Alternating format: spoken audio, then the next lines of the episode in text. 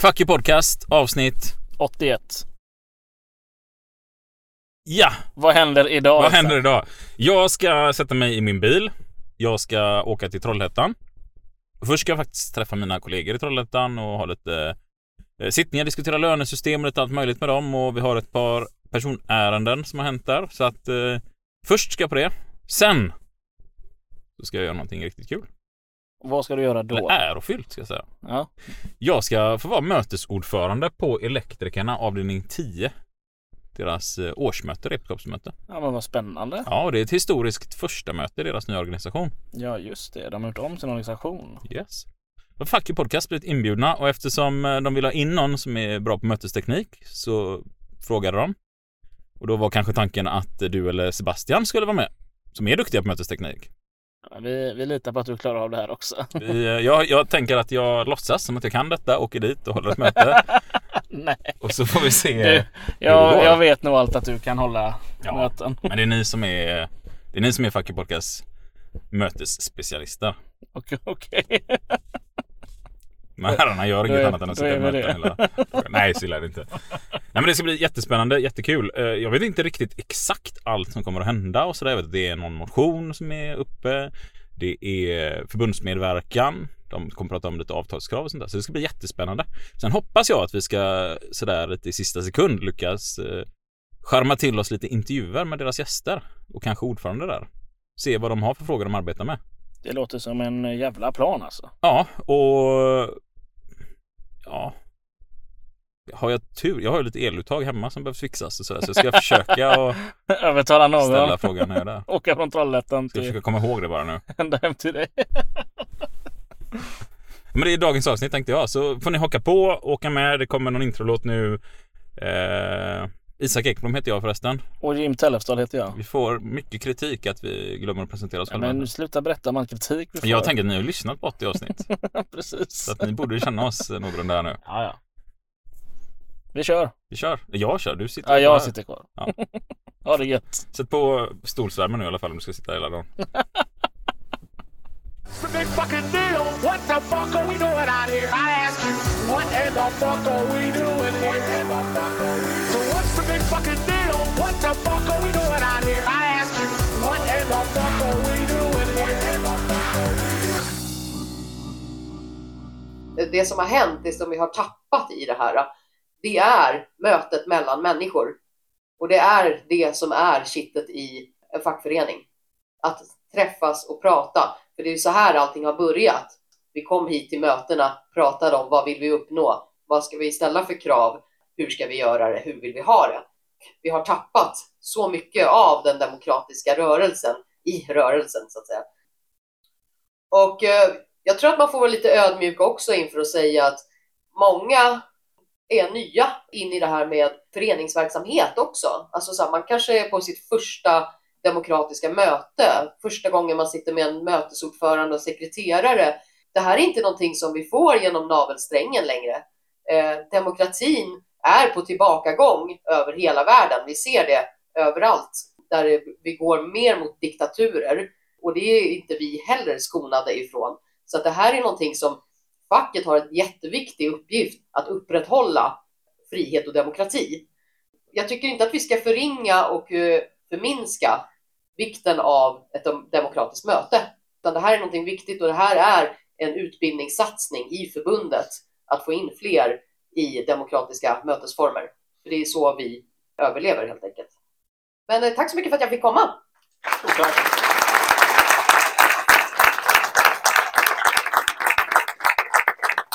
Så jag tror att ni känner att vi har haft en liten frågestund här, men jag släpper ordet fritt lite snabbt. Är vi redo att gå till nästa punkt? Ja. Och innan vi går till eh, punkt 18, mötets avslutande, så ska Daniel få komma fram här på scen och avsluta några ord. Ja, eh, mötet börjar gå mot sin avslutning och eh, jag skulle vilja få upp den nya styrelsen här. Eh, Sia, C2, eh, Andreas. Det är vi som är den nya avdelningsstyrelsen i avdelning 10 och alla vi tackar så jättemycket för förtroendet. Vi ska försöka göra våran avdelning till eh, bästa avdelningen får vi väl säga i Sverige. Vi har ett motto egentligen som vi har skrivit med i... Eh, vi tar korten sen, jag inte har den här på mig. Det vore schysst. Men okej då. Ja, det är bra. Det gör inget. Alltså vi har ett litet motto som vi tänker, som jag skrev med i den verksamhetsplanen som ligger. Och vi har ju tänkt lite grann att avdelningen har som motto att coacha och hjälpa avdelningens medlemmar. Facklig, förtroendevalda och klubbar så mycket vi bara kan. Så att ni på ett bra sätt kan fullfölja era uppdrag. Så vi är här för att hjälpa er att göra ett bra och lätt jobb. Och vi vet ju inte att ni behöver hjälp för ni säger hjälp. Det är där vi har det stora problemet. Så behöver ni hjälp på något sätt i framtiden här nu, är med på mötena, funderingar med studier, funderingar med ackord, arbetsmiljö, försäkringar, allt möjligt. Så är vi tacksamma att ni hör av er. Vi är här för er skull. Det var nummer ett. Jag tackar er. Så ska jag tänka få upp, vi har lite mer folk längst bak i lokalen. Eh, lite ombudsmän som gärna får komma fram.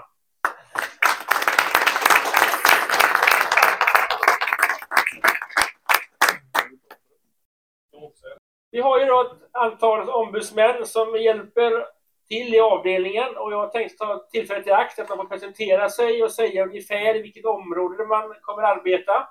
Tanken är ju så att behöver man hjälp av en ombudsman så finns det alltid en ombudsman till hjälp. Men man har försökt organisera det på det sättet så att man på något sätt kan ha lite speciella områden då. Eh,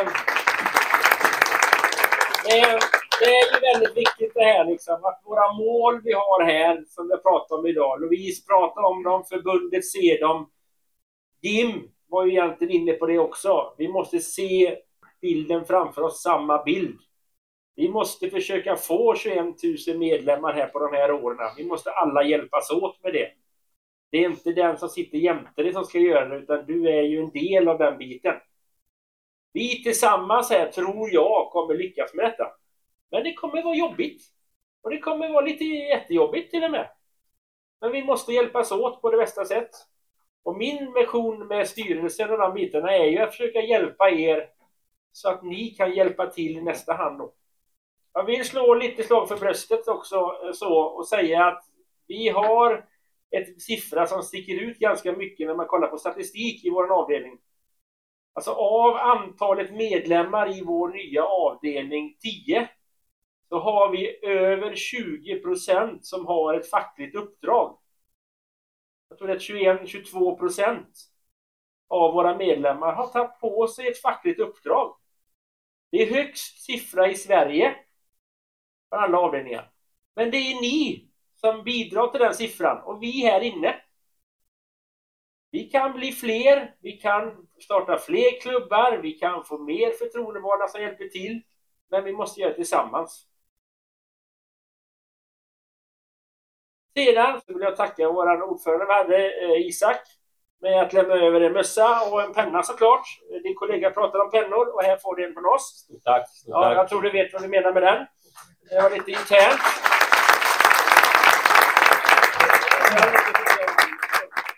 Stort tack. Den ska Yes. jag ha på mig på vägen hem med sen. Ska jag visa för er. Ja, ett eh, historiskt eh, första möte då får man väl säga. Värmer jättemycket i mitt hjärta att jag har fått vara med här och varit en del av det. Jag har antecknat väldigt flitigt här från er avtalsrörelse. Jag har varit inspirerad av eh, er förste vice ordförande här också och känner igen mig själv väldigt mycket. Jag kommer ju själv från en bransch väldigt lik er. Jag är ju från motorbranschen.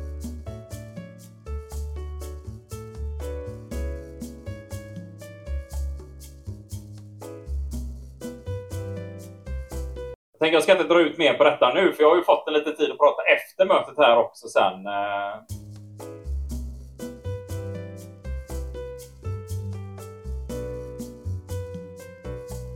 Men först tänkte jag att ni skulle få en liten...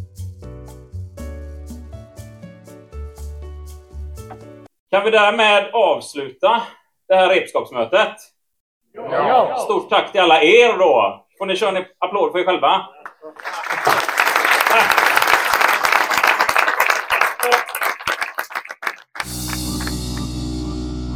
Hej och välkommen säger jag då till Louise Olsson. Ja, precis. Stämmer bra. förste vice ordförande i Elektrikerförbundet. Jajamän. Hur kom du dit? Det är en sån bra fråga. Jag brukar fundera på den själv också.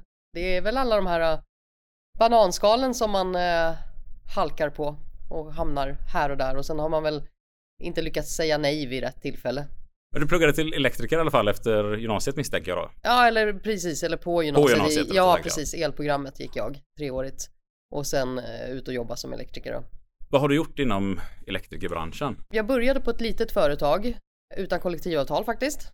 Jag gjorde min lärlingstid där och hade eh, stöd av förbundet då för att tillgodogöra mig eh, tiden så att jag kunde få mitt certifikat.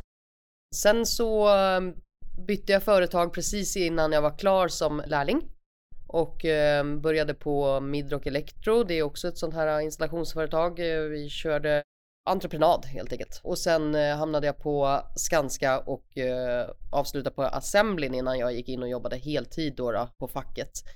Elettan i Stockholm Gotland. Där var jag innan, eh, innan jag klev in i, i rollen som förste vice. När blev du aktivt fackligt engagerad då? Eller när fick du upp ögonen för att man behöver engagera sig fackligt?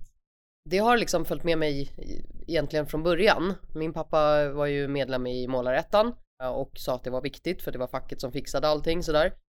Innan jag riktigt förstod det, jag var ju med som studerandemedlem studerande medlem då, men innan jag riktigt förstod det, det var väl när jag skulle börja hålla egna jobb, alltså jag skulle bli ledande montör och det började jag med ganska tidigt, redan innan jag var egentligen fullutbildad.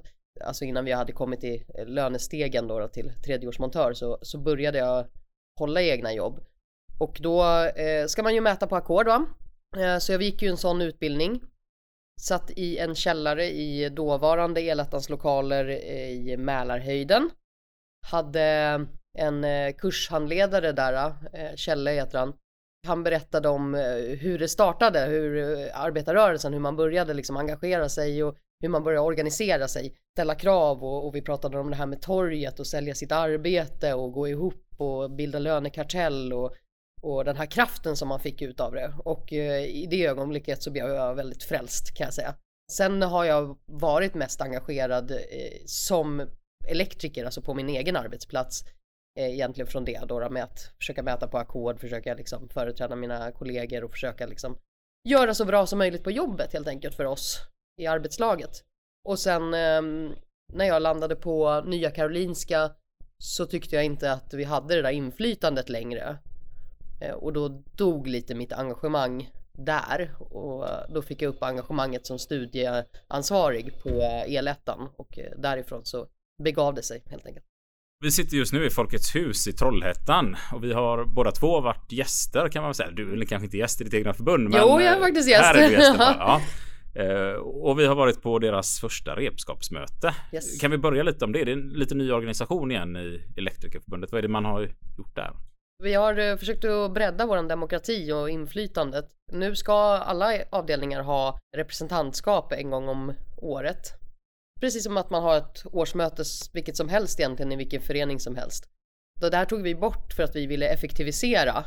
Men eh, nu har vi valt att gå tillbaka till det för att vi ser att det finns eh, ett större syfte med att fackliga företrädare kommer ihop sig och pratar om vad man vill och är med och påverkar verksamheten lokalt men också det som ska behandlas centralt. Och det var en ganska stor grupp med folk här. Det är alla klubbar var anmälda hit i alla fall. Så jag tycker man har lyckats organisera sig ganska bra här. Vi ska prata lite med, med Daniel sen som blev nyvald ordförande här. Men om vi ska titta lite på själva elektrikeryrket. Jag har fått sitta och lyssna på era avtalskrav och jag som, eh, som metallare känner ju inte igen alla de kraven riktigt. Men däremot som jobbar inom motorbranschen så kände jag att gud vad mycket lika grejer det är. Och sen presenterade du lite hur stora ni är. Eh, anslutningsgrad lite så de inser att det, det är väldigt mycket liknande. Ett, ett yrke man har valt att jobba med för att man eh, har kompetens. Man kanske till och med tycker att det är en hobby att jobba med detta. Det är ett roligt yrke. Det kanske inte är det fackliga som lockar. Det kanske inte lockar att, att gå iväg på utbildning. Men hur är det att jobba som elektriker i Sverige idag skulle du säga? Nu var det ju några år sedan som jag var ute och skruvade själv så att eh, jag ska väl inte påstå att jag vet exakt om det har förändrats men det är klart att eh, hela samhället förändras. Men jag vet att mina medlemmar de är måna om att tjäna pengar. Det är väldigt mycket sådär varje gång man kommer till en ny arbetsplats så pratar man om vad man ska tjäna där eller om man ska jobba på ackord eller inte och sådär så att eh, det finns ett stort intresse för ekonomi. Ni har ju ett ackordsystem som ni jobbar efter till och från också. Kan- Kan vi gå in lite på det? Vi har inte spikat någon, någon dagordning här för våran lilla intervju, men eh, vad kan man säga kring ert, eh, ert ackordsverk? Det är ju eh, någonting helt fantastiskt egentligen. Utifrån att det är inte så många förbund, det är inte så många olika arbetare som har den direkta möjligheten att påverka sin lön som vi har. Det är några andra förbund i LO som också har ett ackordssystem. De ser lite olika ut och man kan göra på lite olika sätt. Men framförallt du kan påverka din lön direkt på varje projekt du är på. Och där har vi ju jättebra utbildningar, vi har jättebra introduktionsfilmer. Det är en jättetrevlig tjej där som berättar exakt hur det går till så att jag har läst in alla dem också. Kanske vi kan länka till dem i avsnittet Ja det kan vi göra. Det kan vi göra om man vill se mer av mig liksom. Nej men skämt åsido men det, det finns jättebra eh, hjälp att få eh, och vi kommer gärna ut också och hjälper till direkt på arbetsplatsen. Förhoppningen är ju liksom att fler ska nyttja det och jag tänker framförallt nu i de här tiderna när vi har en inflation, när vi kanske går in i lågkonjunkturer, när vi inte vet om vi kommer få en reallöneökning i avtalsrörelsen. Så har vi det här och det är liksom, det är helt fantastiskt. För det är inte många arbetare som har den möjligheten att direkt påverka sin egen lön och vad man ska ha, få ut varje, varje vecka eller varje månad i, i lönekuvertet. Jag kommer ju själv från ett avtalsområde där vi faktiskt jobbar på ackord, vilket är väldigt, väldigt ovanligt. Faran som vi har är att vi äger inte längre ackordsfrågan, så vi förhandlar inte våra tider, utan det är en eh, generalagent som bara bestämmer så här lång tid tar det att göra någonting. Mm. Sen förhandlar vi givetvis lönerna där omkring och vad ska det betalt per timma, men det är ju faran som vi har i vårt system att vi borde nog för länge sedan ha övergett vårt ackordssystem. Men och så är det helt annorlunda, där sitter ni och förhandlar egentligen hela tidverket också. Mm. Ja, alltså det kan man ju säga att jobba på ackord eller hur- överhuvudtaget jobba eh, på ett bygge är ju att förhandla varje dag i allting du gör. Vem ska göra vad? Ska ackordslaget stå för att sitta vid en dator och beställa material? Eller är det faktiskt projektledaren som ska göra det? Och allt det där är ju reglerat i vårat ackordssystem. Eh, Ackordslistan är ju en del av installationsavtalet så att säga. Den här podden har ju gått igenom rätt mycket om varför man ska vara medlem i facket och sådär. Men återigen så är vi inne nu på en bransch där man inte är så lätt utbytbar. Man har en bra grundkompetens. Man eh, kanske till och med är ganska eftertraktad och kan välja på ett par olika arbetsgivare. Vad, vad är det Elektrikerförbundet gör för de här medlemmarna som kanske inte behöver vara så rädda för sin egna tjänst? Utan vad finns Elektrikerförbundet till för där? Nej men alltså vi gör ju väldigt mycket inom eh, med, med våran motpart egentligen, alltså så här branschen reglerar vi väldigt mycket kring. Alltså vi har ju till exempel vårat eh, yrkescertifikat som också är ganska unikt att, att ens vara certifierad. Och inte jättemånga arbetare som har det heller och det ger ju oss en väldig styrka. Vi reglerar vem, vem kan kalla sig elektriker. Det gör ju också att vi kan hålla upp lönerna och vi får en väldigt bra eh, hög standard i, eh, i våran bransch. Så vi har ju yrkescollege till exempel för att vi vill säkerställa en hög kvalitet på de som ska in i yrket. Vi vill ha bra kollegor. Vi har ju eh, ackordsystemet såklart. Vi har gjort ett energipolitiskt program där vi eh, egentligen lobbar mot politikerna. Vi har varit och träffat näringsutskottet eh, och eh, arbe- arbetsmarknadsutskottet heter de och eh, pratat med dem om vad vi ser, vad vi skulle behöva göra för att liksom trygga Sveriges eh, elproduktion. Vi har problem med stamnätet, överföringskapaciteten är för låg. Där ser vi ju att vi behöver bygga ut, vi har inte gjort någonting kanske på 30 år. Vad behöver vi göra gemensamt då mellan parterna men också kanske rent politiskt för att kompetensutveckla så att vi faktiskt har den inhemska personalen vi behöver för att klara av det här arbetet de entreprenörer som, som bygger ut stamnät idag är i, i regel från andra sidan eh, Östersjön. För vi har inte så många som jobbar med den typen av eh, produktion inom Sverige. Och då är det ett mycket lägre löneanspråk man går in med när man kommer hit exempelvis. Så är det, det är lönedumpning egentligen om inte ni finns där. Det kan det absolut handla om. Det finns andra saker också som är aspekter som är viktiga i det här och det kan ju vara sånt som säkerhet. Det var ju bara för någon vecka sedan som någon dog här senast eh, i den branschen. Det är en, en eh, högriskbransch eh, och det är jätteviktigt att man förstår språket och kan kommunicera och allt det här så att man inte skadar sig eller dör på jobbet. När du pratar om det här med certifikat också så hörde jag förut här från era avtalskrav och de avtalskrav ni har fått emot er i avtalsrörelsen som pågår just nu så, så vill man kunna öppna upp för att anställa, jag vet inte om vi ska kalla outbildad personal, men folk som saknar fullständig kompetens för elektriker i alla fall för att göra montagearbeten. Mm, precis, ja men och det här är inget nytt utan det här brukar komma varje avtalsrörelse där man vill luckra upp helt enkelt för att få anställa personal som inte har ett yrkescertifikat. Det vi försöker skydda här det är ju att vi äger hela momentet så att säga. Vi äger allting från kanalisation till kabeldragning till eh, kompletteringen. För vi tar också ansvar för hela installationen. Det man tänker då är väl att man ska kunna luckra upp det här och få lite billigare arbetskraft som utför det man vill kalla för enklare moment. Nu är ju jag själv elektriker och anser att det finns inga enkla moment.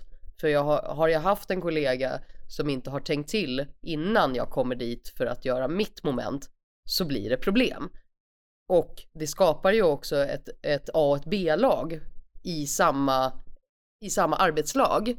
Och det ser jag också som en stor risk. Jag menar, ska vi kunna använda ackordssystemet så måste vi kunna mäta också hela eh, produktionskedjan. Men det där är ingenting nytt så, utan det där eh, brukar komma varje avtalsrörelse. Och vi har jättesvårt att se hur det skulle göra saken bättre helt enkelt. Ja, men då tänker man att i förlängningen skulle kunna innebära att någon gör allt jobb och sen kommer det bara en elektriker och kopplar på strömmen mer eller mindre liksom och tittar att allting är någorlunda utfört och då kan man anställa folk för i princip vilken peng som helst. Men lite så. Eller att kanske vi får reglera det men att de ska ha en lägre lön för att de saknar en viss kompetens då. Så skulle de göra allting förberedande och sen så kommer en elektriker och kopplar in centralen och driftsätter. Och så. För ungefär två år sedan tror jag det var så var vi ute och skulle göra ett eh, litet reportage eh, om en strejk som ni hade i Göteborg på ett mm. eh, larmföretag. Samma dag som vi var ute och skulle intervjun så tecknade man ju avtal och, och vann den kampen. Men det har också varit mycket skriverier i sista tiden om eh, de som jobbar med solceller. Och där har ni varit ganska flitiga på att teckna avtal i en ganska ny bransch där det är många, de är inte medlemmar i arbetsgivarorganisationen. Och då, då blev jag blev nästan full i skratt här när jag hörde att ni har fått arbetsgivarkrav på er om att man vill ha en vetorätt, att ni inte ska ha rätt att teckna kollektivavtal med vissa företag. Precis, och det där vart man väl lite, man vart lite sur helt enkelt från eh, motpartens sida då för att vi hade gjort en överenskommelse. För de här som monterar solceller, det är ju inte alltid certifierade elektriker. Därför gjorde vi en överenskommelse för att ändå kunna reglera marknaden, alltså arbetsmarknaden och eh, skydda liksom medlemmarna så gjorde vi en överenskommelse då, en solcellsöverenskommelse och tecknade hängavtal med de här. Det där eh, tycker man är eh, problematiskt eh, från eh, motpartens sida så att nu vill man gärna bli tillfrågad innan vi hittar på sådana lösningar. Problemet var dock att en av anledningarna till varför vi var tvungna att göra en speciell överenskommelse var att vi Eh, hade ett eh, solcellsföretag där man tillämpade en gul fackförening. Vi hade en jäkligt tuff dragkamp där för att vinna över och, och kunna upprätthålla den svenska modellen helt enkelt. Så att eh, det var en tuff strid och motparten är kanske inte helt nöjd med resultatet. Men så blev det. Ja, för någonstans är det ändå medlemmarnas intressen som måste komma först, eller liksom arbetarnas intressen. Och jag kan förstå det här att Eh, vi, vill ju att de som är medlemmar i en arbetsgivarorganisation också tecknar avtal, att det ska finnas en respekt därifrån. Men det är svårt att säga till ett fackförbund att då ska ni, ni ska skita i de som jobbar där, om inte de är medlemmar i arbetsgivarorganisationen. Framförallt att upprätthålla den svenska modellen, för den är vi ju väldigt överens om att eh, den måste upprätthållas. Eh, så att gula fackföreningar är ju någonting som vi absolut eh, måste försöka ge oss på då i det arbetet. Något som var väldigt nytt för mig att få höra med att vi, ni är ett av LO-förbundens yngsta medlemsgrupp. Ja, precis. Eh, vi är alltså mer än hälften av våra medlemmar är under 35 år. Och det låter ju helt extremt nästan när man hör att ungdomar är ju inte intresserade av att vara med i facket ju, säger de. Nej, för att inom LO-familjen så är det ju så att eh, vi har ju en lägre organisationsgrad när det kommer till unga. Och det kan ju man ju se kanske till att unga inte i samma utsträckning idag får en fast anställning utan man har timanställningar eller Eh, Eh, deltidsanställningar, kanske jobbar på två, eh, åt två arbetsgivare parallellt så. Eh, så att absolut, det är ju lite unikt. Men det har ju också till exempel målarna. Och det är ju också för att vi har våran lärlingsprocess. Du blir medlem under den tiden som du är lärling för att du ska reglera att få ditt yrkescertifikat och hela den här biten och du har en ganska tajt kontakt och relation med någon facklig företrädare under den perioden. Och Jonas som var med i podden här för ett par avsnitt sedan och pratade om Qatar. Han har ju varit väldigt duktig på att vara ute i skolor och prata väldigt mycket. Men ni jobbar väldigt mycket med att vara ute på, på de här lärlingsutbildningarna och, och prata facket. eh, Precis, vi ska, vi ska träffa alla sk- skolelever helt enkelt som går el och energiprogrammet och skriva in dem då som studerande medlemmar så att vi kan följa upp dem. Stannar man kvar sen när man har gått klart sin utbildning? Eller vad, vad gör man när man är färdig med utbildningen och ska börja betala för sitt medlemskap? Under lärlingstiden, vi har ju en procentavgift, så att under lärlingstiden så betalar du en ganska låg avgift. Så de betalar ändå under lärlingstiden? Jajamän. Eh, Den är en del av utbildningen men den är också en del av eh, att du faktiskt jobbar. De betalar en ganska låg avgift. Sen blir de ju fullbetalda någonstans när de börjar närma sig 3-24 kanske de börjar komma upp i fullbetald. Eh, Och sen när de eh, är runt 30 år då har vi sett att då väljer de att lämna facket. Så att där någonstans så tappar vi medlemmarna. Vad tror ni att det beror på att man tappar medlemmar när de kommer upp i 30-årsåldern?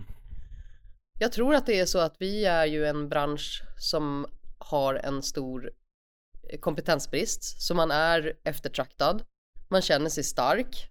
Man har inte något behov direkt.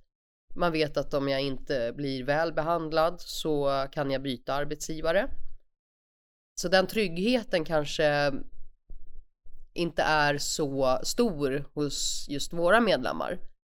Och har man då inte heller kunskapen om facket och vad facket gör så tror jag att det är ännu större risk att man faktiskt känner att eh, jag, har, jag har inget behov av det här, jag ser inte behovet. Så det kanske är snarare lite en sån här lyxproblematik att man går ur för att man känner att jag har det så jäkla bra så att varför ska jag betala för det här snarare än att man tycker kanske att det är dåligt med facket. Det är, Ja, för det, det är väldigt många som tycker att facket är bra och att de vill att facket ska ha en stark maktposition och mycket att säga till om. Men man är kanske inte så intresserad på så att man vill vara medlem och betala en fackavgift utan man, man tycker att det ska vara där men någon annan får liksom sköta det. Här blev det en liten diskussion på, på här, hur når vi ut till de här förklarar varför det fortfarande är viktigt eh, att vara medlem och det vet nog alla som följer den här podden varför det är viktigt så, så det kanske inte behöver gå så mycket djupare i men hur, hur ser det ut annars med er medlemsorganisation? Det är, det en bransch med mycket kvinnor exempelvis? Nej, det är ju inte det. Alltså nu, nu är jag så stolt och bara, nu har vi kommit upp i 3% kvinnor i, i våra medlemskår, så det är ju liksom fantastiskt. Men det är ju en väldigt mansdominerad bransch. Som jag sa, det är många unga. Eh, jag tror att unga män generellt idag har det ganska tufft i samhället. Vi fick ju en eh, rapport nu från Ungdomsbarometern som varje år mäter ungas eh, inställningar till eh, samhället, till facket, till hur de mår, eh, vad man tycker och tänker och olika generationer präglas ju av olika normer och så vidare. Och just nu så är eh, unga män, de mår dåligt helt enkelt. De känner inte att de har någon framtidstro. De eh, har svårt att hitta någon typ av gemenskap. Eh, och det här är liksom sociala bruset som vi hela tiden matas med. Det är ju väldigt få sådana här eh, fackliga initiativ egentligen som tränger igenom. Eh, och det här med arbetarrörelsen är kanske inte det hetaste just nu utan det handlar om att bli entreprenör. Eh, man är väldigt intresserad av ekonomi, man köper och säljer aktier eh, och så vidare och så vidare. Så att de influencers som man följer som ung kanske inte riktigt är det som gynnar arbetarrörelsen och, och liksom att bygga en, eh, en social trygghet. Det handlar om att bli eh, framgångsrik på väldigt kort tid. Och jag tror att det är väldigt många som känner en stor press i det där. Eh. Där önskar ju jag att vi från facket kunde vara den gemenskapen som man söker. Jag tror också att vi behöver bli bättre på att prata om psykisk ohälsa och faktiskt bryta den här normen där män och unga män inte pratar så mycket om hur de mår. Och då, då sitter du här som kvinna i ett starkt mansdominerat och så hamnar ändå fokus för att det är det som är en stor del av era medlemmar. Och Ni ser det. Hur resulterar det ute på arbetsplatserna skulle du säga den här liksom, kulturen som har blivit i samhället? Nej men alltså jag, jag har hört också sådär att man gnäller och man tycker att liksom, man sitter och läser någonting ur någon tidning och man tycker att liksom ah, de skor sig själva eller det där de alla bara ljuger och det är fake news och det är svårt liksom att selektera vad som är vad och jag tycker det är svårt också när man lyssnar på våra politiker Förut så fick man tid på sig att prata och man fick tid att beskriva vad man ville åstadkomma. Idag går det väldigt fort och det är väldigt mycket pajkastning. Så det upplevs ju inte som att det är någon skillnad egentligen beroende på vem har makten och hur påverkar det min vardag.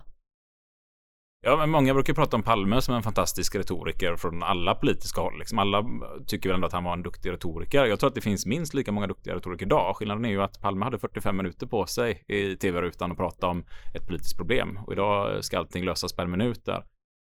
Eh, så det är klart att det, det gör en enormt stor skillnad i att få saker förklarat för er. Eh, du tyckte även liksom mångfald är en viktig fråga att jobba med från det fackliga. Varför är det en viktig fråga att jobba med ur fackligt perspektiv tycker du? Jag tycker att för att vi ska vara den här gemenskapen där man känner att man passar in, att det här är någonting för mig, så behöver vi spegla våra medlemmar. Vi behöver vara någonting som man dels kan se upp till men också känna igen sig i.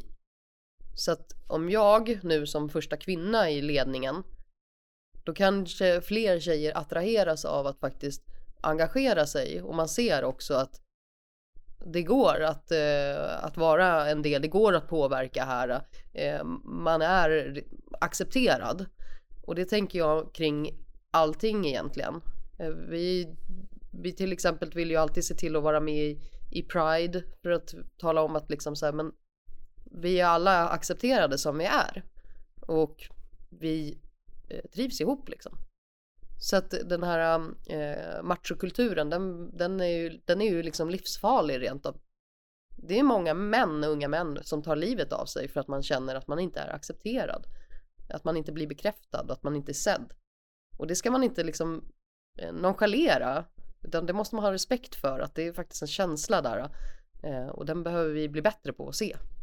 Många gånger de som kanske klagar mest på begreppet genus kanske är de som faktiskt skulle behöva eh, jobba med genus mest av alla och blivit påverkade av det mest av alla. Det, det är någonting jag verkligen kan se även från min bransch. Och vi, likadant i min bransch, vi är jag tror inte vi är uppe i 3 kvinnor. Vi var nog uppe på, på 2 och så sjönk vi ner till 1,5 eller något sånt här igen. Och det, det märks ute på arbetsplatserna att det, det får fästa de här machokulturerna på ett helt annat sätt då. Ja. Och man blir nästan chockad över vilka människor det är som kommer upp och gråter och sen och, och knäcker ihop. Eh, För det kanske är de som har bidragit till machokulturen mest och försvarat den mest. Och eh, man ser kanske inte själv vad det är man bidrar med och hur det påverkar alla runt omkring en. Nej, och jag tror att alla som har varit i sådana här mansdominerade branscher har tvingats vara en del av machokulturen för att överleva själv på jobbet. För att slippa vara den som man blir hackad på eller eh, slippa bli utsatt för mobbing eller känna bara att man inte är en del i, i gänget liksom. Så att den är, den är svår på det sättet. Man tänker att så här, om man stoppar vi in en kvinna där då kommer hon säga åt grabbarna att skärpa sig. Men det är inte riktigt så enkelt heller. Eh, för du som kommer in som ny, du vill ju också bli accepterad av gruppen. Så det kan vara så att du behöver eh, klä på dig de normer och eh, den, den kulturen som finns för att få vara med i, i gruppen. Hur var det för dig själv om du tänker tillbaka till när du hade pluggat färdigt och kom ut i branschen? Hur, vad upplevde du för miljö då runt omkring dig? Nej men absolut att det var en machokultur. Eh, det var mer eller mindre så att säga. Det uppskattades när jag kom ut, man sa att det blev bättre klimat när det var en tjej på jobbet. Att eh, killarna uppförde sig lite bättre. Men, eh, men jag har ju också velat liksom vara en del av och passa in och så vidare. Så jag har väl också anpassat mig efter den rådande kulturen och, och varit en del av den. Kanske betett mig på ett sätt som jag inte alltid är jättestolt över nu i vuxen ålder när man är, är trygg och grundad. Men absolut så, så tror jag att vi alla har varit där när vi kommer och är nya eh, på arbetsplatser. Vad skulle du skicka med till de som är unga och kommer ut på arbetsplatserna oavsett kön egentligen? Att man, man kommer ut och känner att det här är en kultur inte jag tycker är, är rimlig att ha eller så man känner att här måste jag anpassa mig vara någon annan än jag är. Jag tänker att man behöver hitta den personen som man känner sig trygg att prata med om det. Förhoppningsvis så finns det ett skyddsombud. Förhoppningsvis så är det skyddsombudet också väl medveten om vad det här handlar om.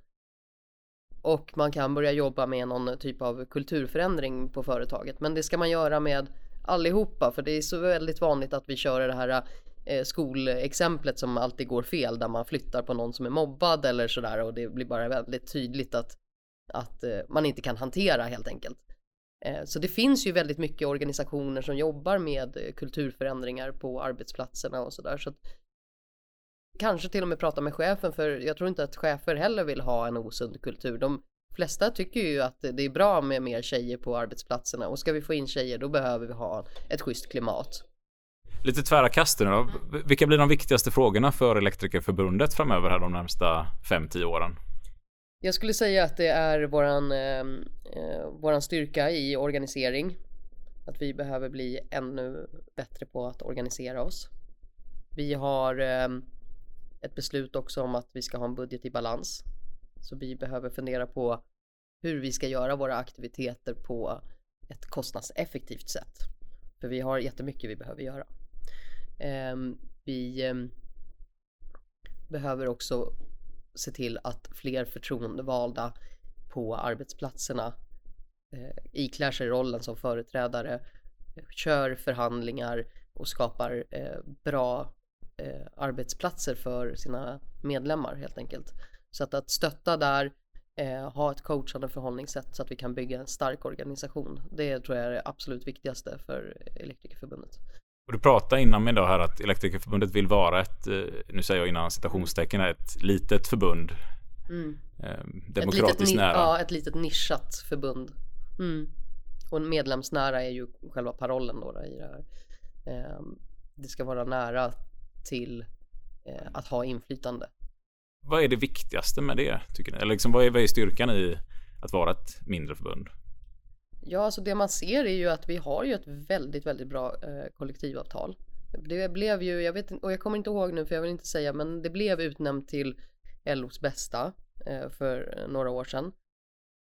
Så det finns ju väldigt mycket bra saker där att ta av. Och jag tror att det är för att vi jobbar ju stenhårt med de få avtal vi har. Så det, det, det är inte så spretigt liksom när vi organiserar. Vissa förbund har ju väldigt, eh, väldigt många olika typer av yrkeskategorier.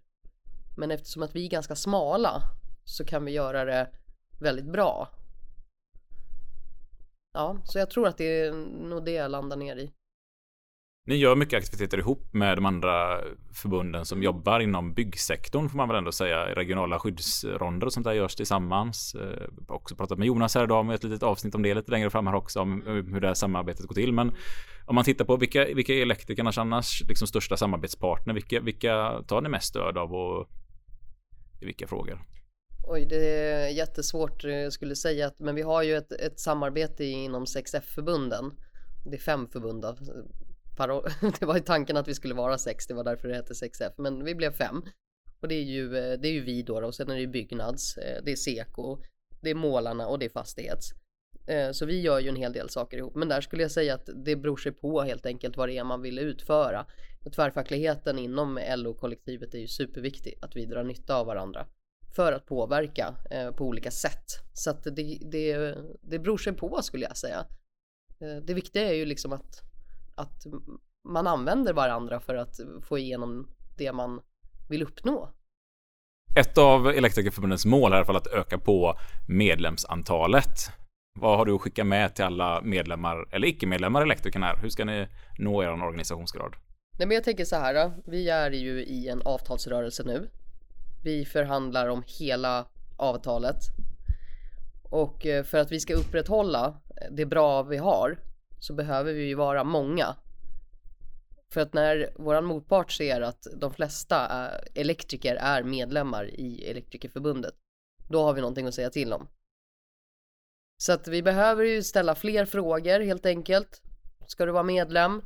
Ska du engagera dig? Vad vill du? Skriv motioner, skriv avtalsmotioner, eh, var med och påverka helt enkelt. För att alla behövs. Alltså så här, du behövs. Inte vi vill vara fler, utan så här, du, du behövs, vi behöver alla.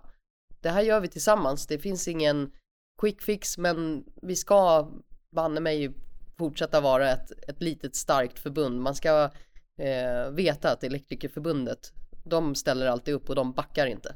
Jo, vi backar när vi tar sats. Med de orden tycker jag vi avslutar. Jag vill verkligen tacka att du på så extremt kort varsel kunde ställa upp på den här intervjun. Vi hörs. Ja, tack. Här sitter jag med en alldeles färskt eh, nyvald ordförande.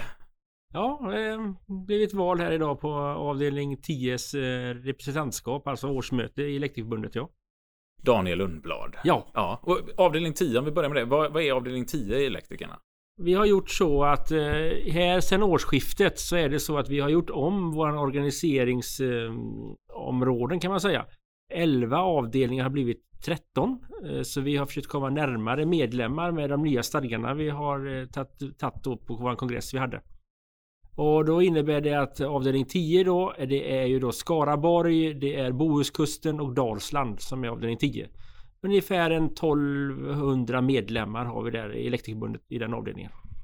Och du berättade någonting eh, både på mötet här och någonting inför mötet till mig som jag tyckte lät väldigt häftigt. På de här 1200 medlemmarna, hur många procent av dem var förtroendevalda då? Ja, när vi tittar lite grann på lite statistik och grejer så har vi det är över 20 procent. Det är närmare 22 procent av medlemmarna som har ett fackligt uppdrag.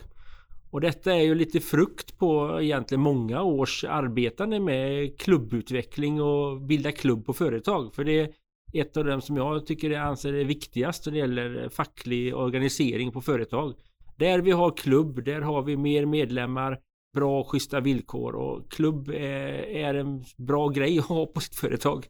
Är det liksom kunskapen som har ökat som har gjort att det är så många som vill ha ett förtroendeuppdrag? Eller vad är det som lockar tror du? Alltså det, jag tror att det är både och. Vi har jobbat mycket med utbildning såklart. Eh, Vi har kört våra egna utbildningar mycket där vi säger ett att mycket med medlemsutbildning. Nummer två är det att vi försöker få alla våra klubbar att ta gå en eh, grö- facklig förtroendemannautbildning då. En grundkurs. Det är ju liksom eh, idén eller alltså att man, man förstår ju mer vad facket innebär och det i sin tur ger ju ringar på vattnet. Man organiserar sig, man står upp för sina fackliga rättigheter och det är nog där eh, mycket jobb, ja. Men det är där frukten nu ramlar när man tittar på statistiken då. Ni, ni har kört hela dagen idag. Ni har haft det här första repskapsmötet här nu då. Eh, och kört hela dagen. Och jag tyckte det var kul för jag kom in efter lunch. Och det är största salen här i Folkets hus i Trollhättan. Och från raden längst bak till raden längst fram så var alla väldigt flitiga med penna, papper, anteckningsblock och var delaktiga och satt och lyssnade. Och det verkar vara ett högt engagemang bland alla era förtroendevalda också. Ja, alltså vi, vi har försökt att, eh, med de nya stadgarna sagt var, så är det ju så att klubbarna har ju möjlighet att skicka delegater. Beroende på hur stor klubben är så har man ett antal delegater. Är klubben upp till 15 medlemmar så är det en. Mellan 15 och 30 så är det två och över 30 så är det tre då. Och det är de som är med och har rösträtt på mötet. Och i avdelning 10 idag så har vi nu för tillfället 29 klubbar. Och alla 29 klubbarna var närvarande här idag också.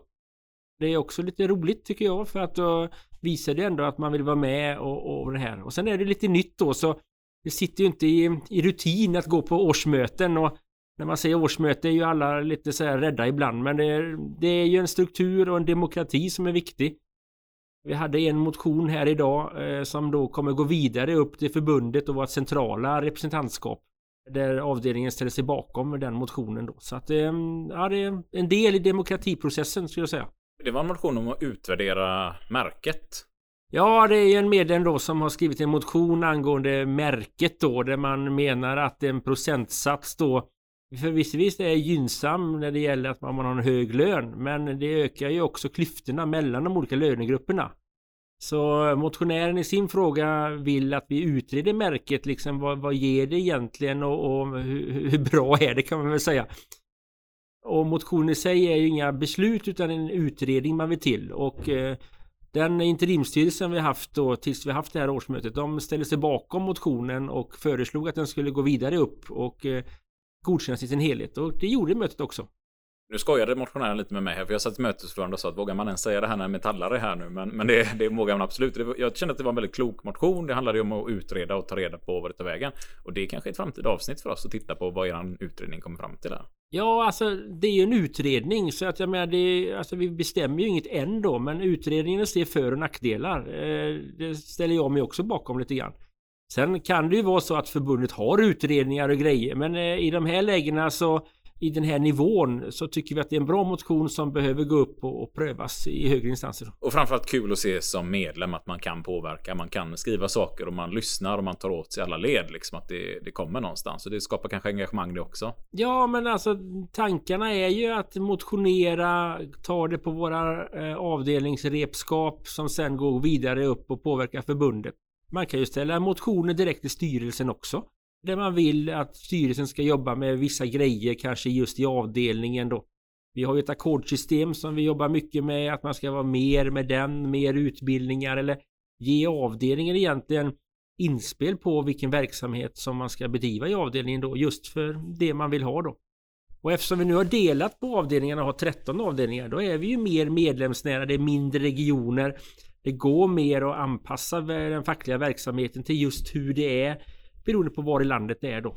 Det är ju skillnad egentligen, man får väl säga det, från norr och söder. Vi gör lite på olika sätt men en grundlig facklig tanke är ju ändå samma att organisera och ta vara på rättigheterna. Om du förstår vad jag menar. Om vi ska titta på själva elektrikeryrket. Varför blev du elektriker? Alltså, mm, ja, varför jag blev elektriker? Eh, den dagen jag skulle välja i skolan så valde jag två eh, yrkesgymnasier. Det ena var elektriker och det andra var kockutbildningen. Eh, med betygen jag hade kom jag in på bägge två och då fick man välja på den tiden och då valde jag elektriker. Har ingen annan anknytning till det egentligen. Tyckte det var intressant med, med, med el och de bitarna då.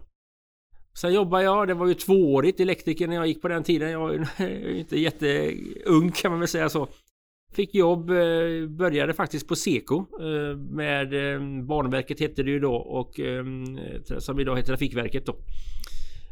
Och sen blev jag då serviceelektriker då. Så jag har min anställning idag och är serviceelektriker, är ledig för att jobba fackligt med större frågor i avdelningen nu som, som ordförande då.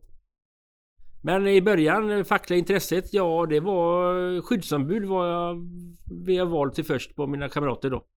Eh, började sätta mig in i arbetsmiljöbiten, tycker det är väldigt intressant och, och den bitarna. Eh, inte för att bråka, för det är inte det det handlar om, utan det handlar ju om att man ska ha, komma hem levande eh, efter en arbetsdag. Minns du varför du blev vald av kollegorna? Jag var väl en av de få som räckte upp handen och sa att jag kan tänka mig att ta på mig ett fackligt uppdrag. Tyvärr är vi väl några få. Roligt om det borde bli fler kan jag väl säga då. Eh, engagemang är väl det som eh, är min stora styrka i det hela och jag går in för mycket.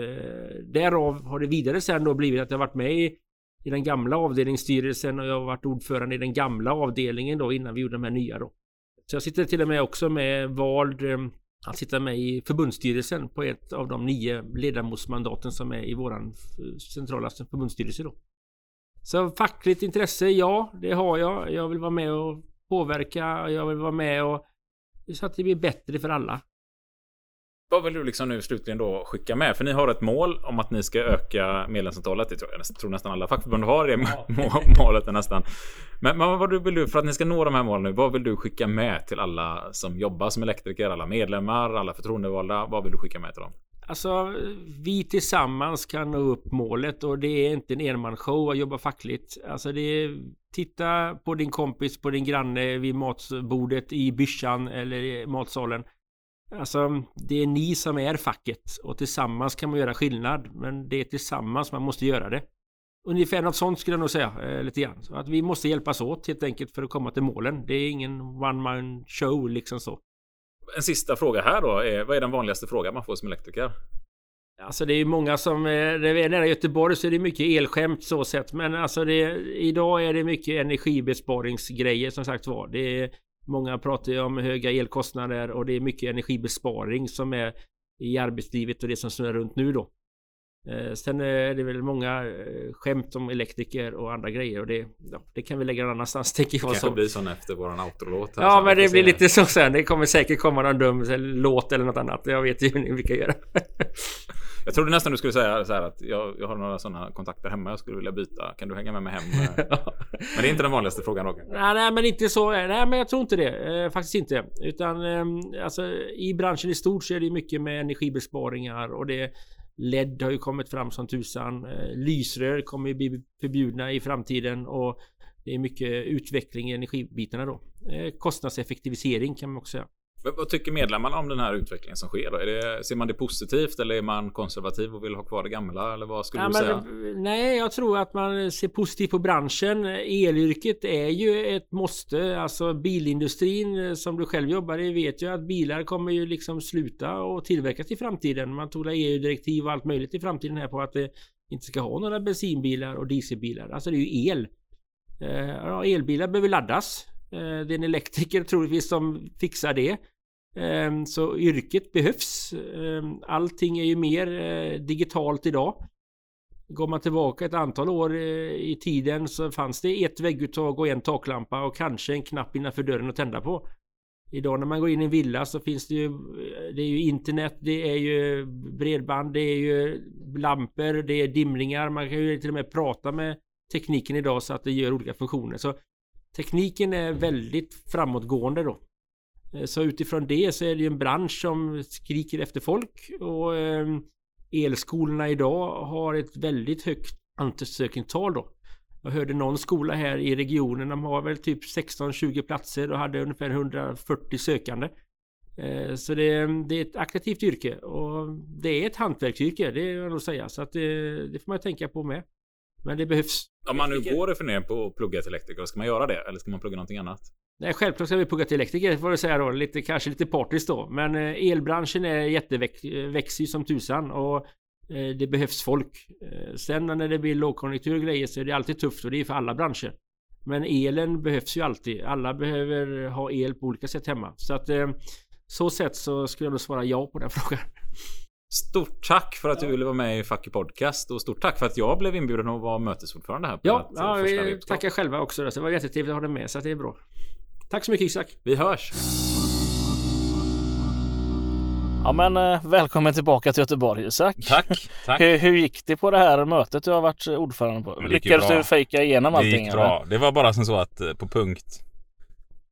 Punkt... eh, Vi la till en punkt på, på dagordningen. Jaha. Och då blir det ju alltid fel med siffrorna. Ja det är lätt hänt. Och första punkten då som jag skulle tala en siffra på så sa jag ju fel siffra. Va?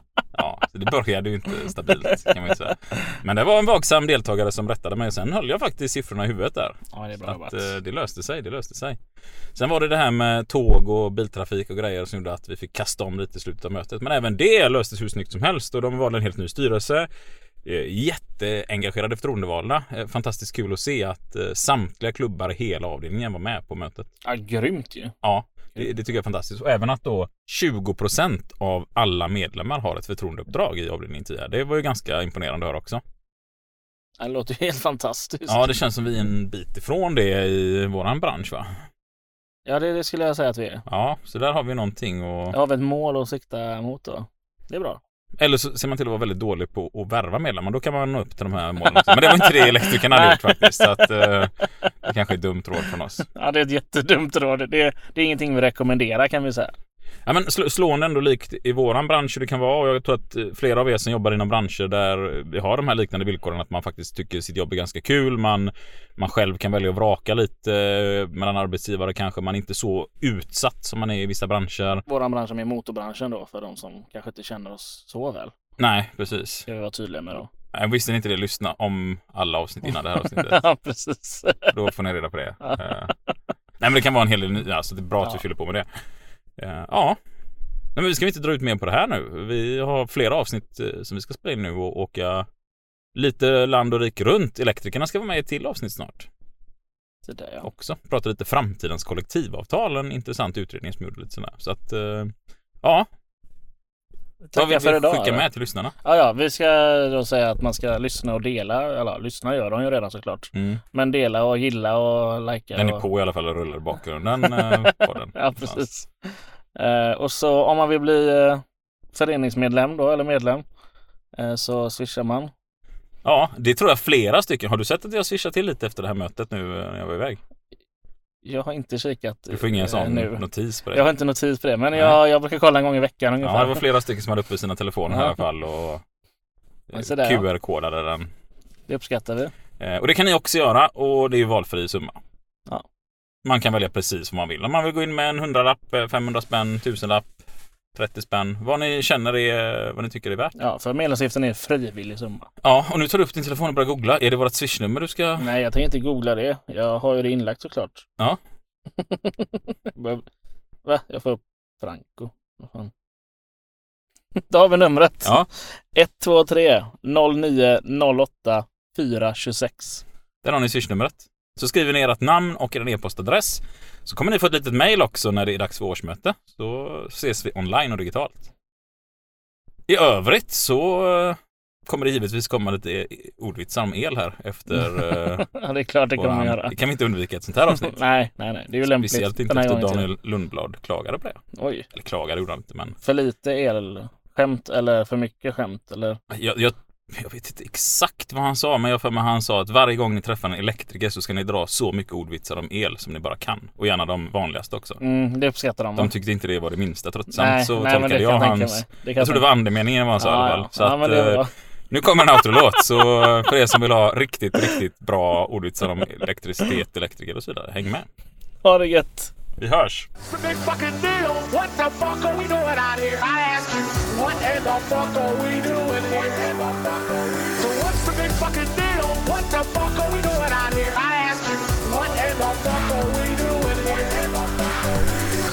Hallå Jim!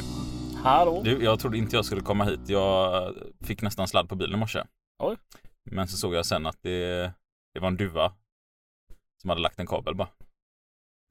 Nej men vad fan Isak.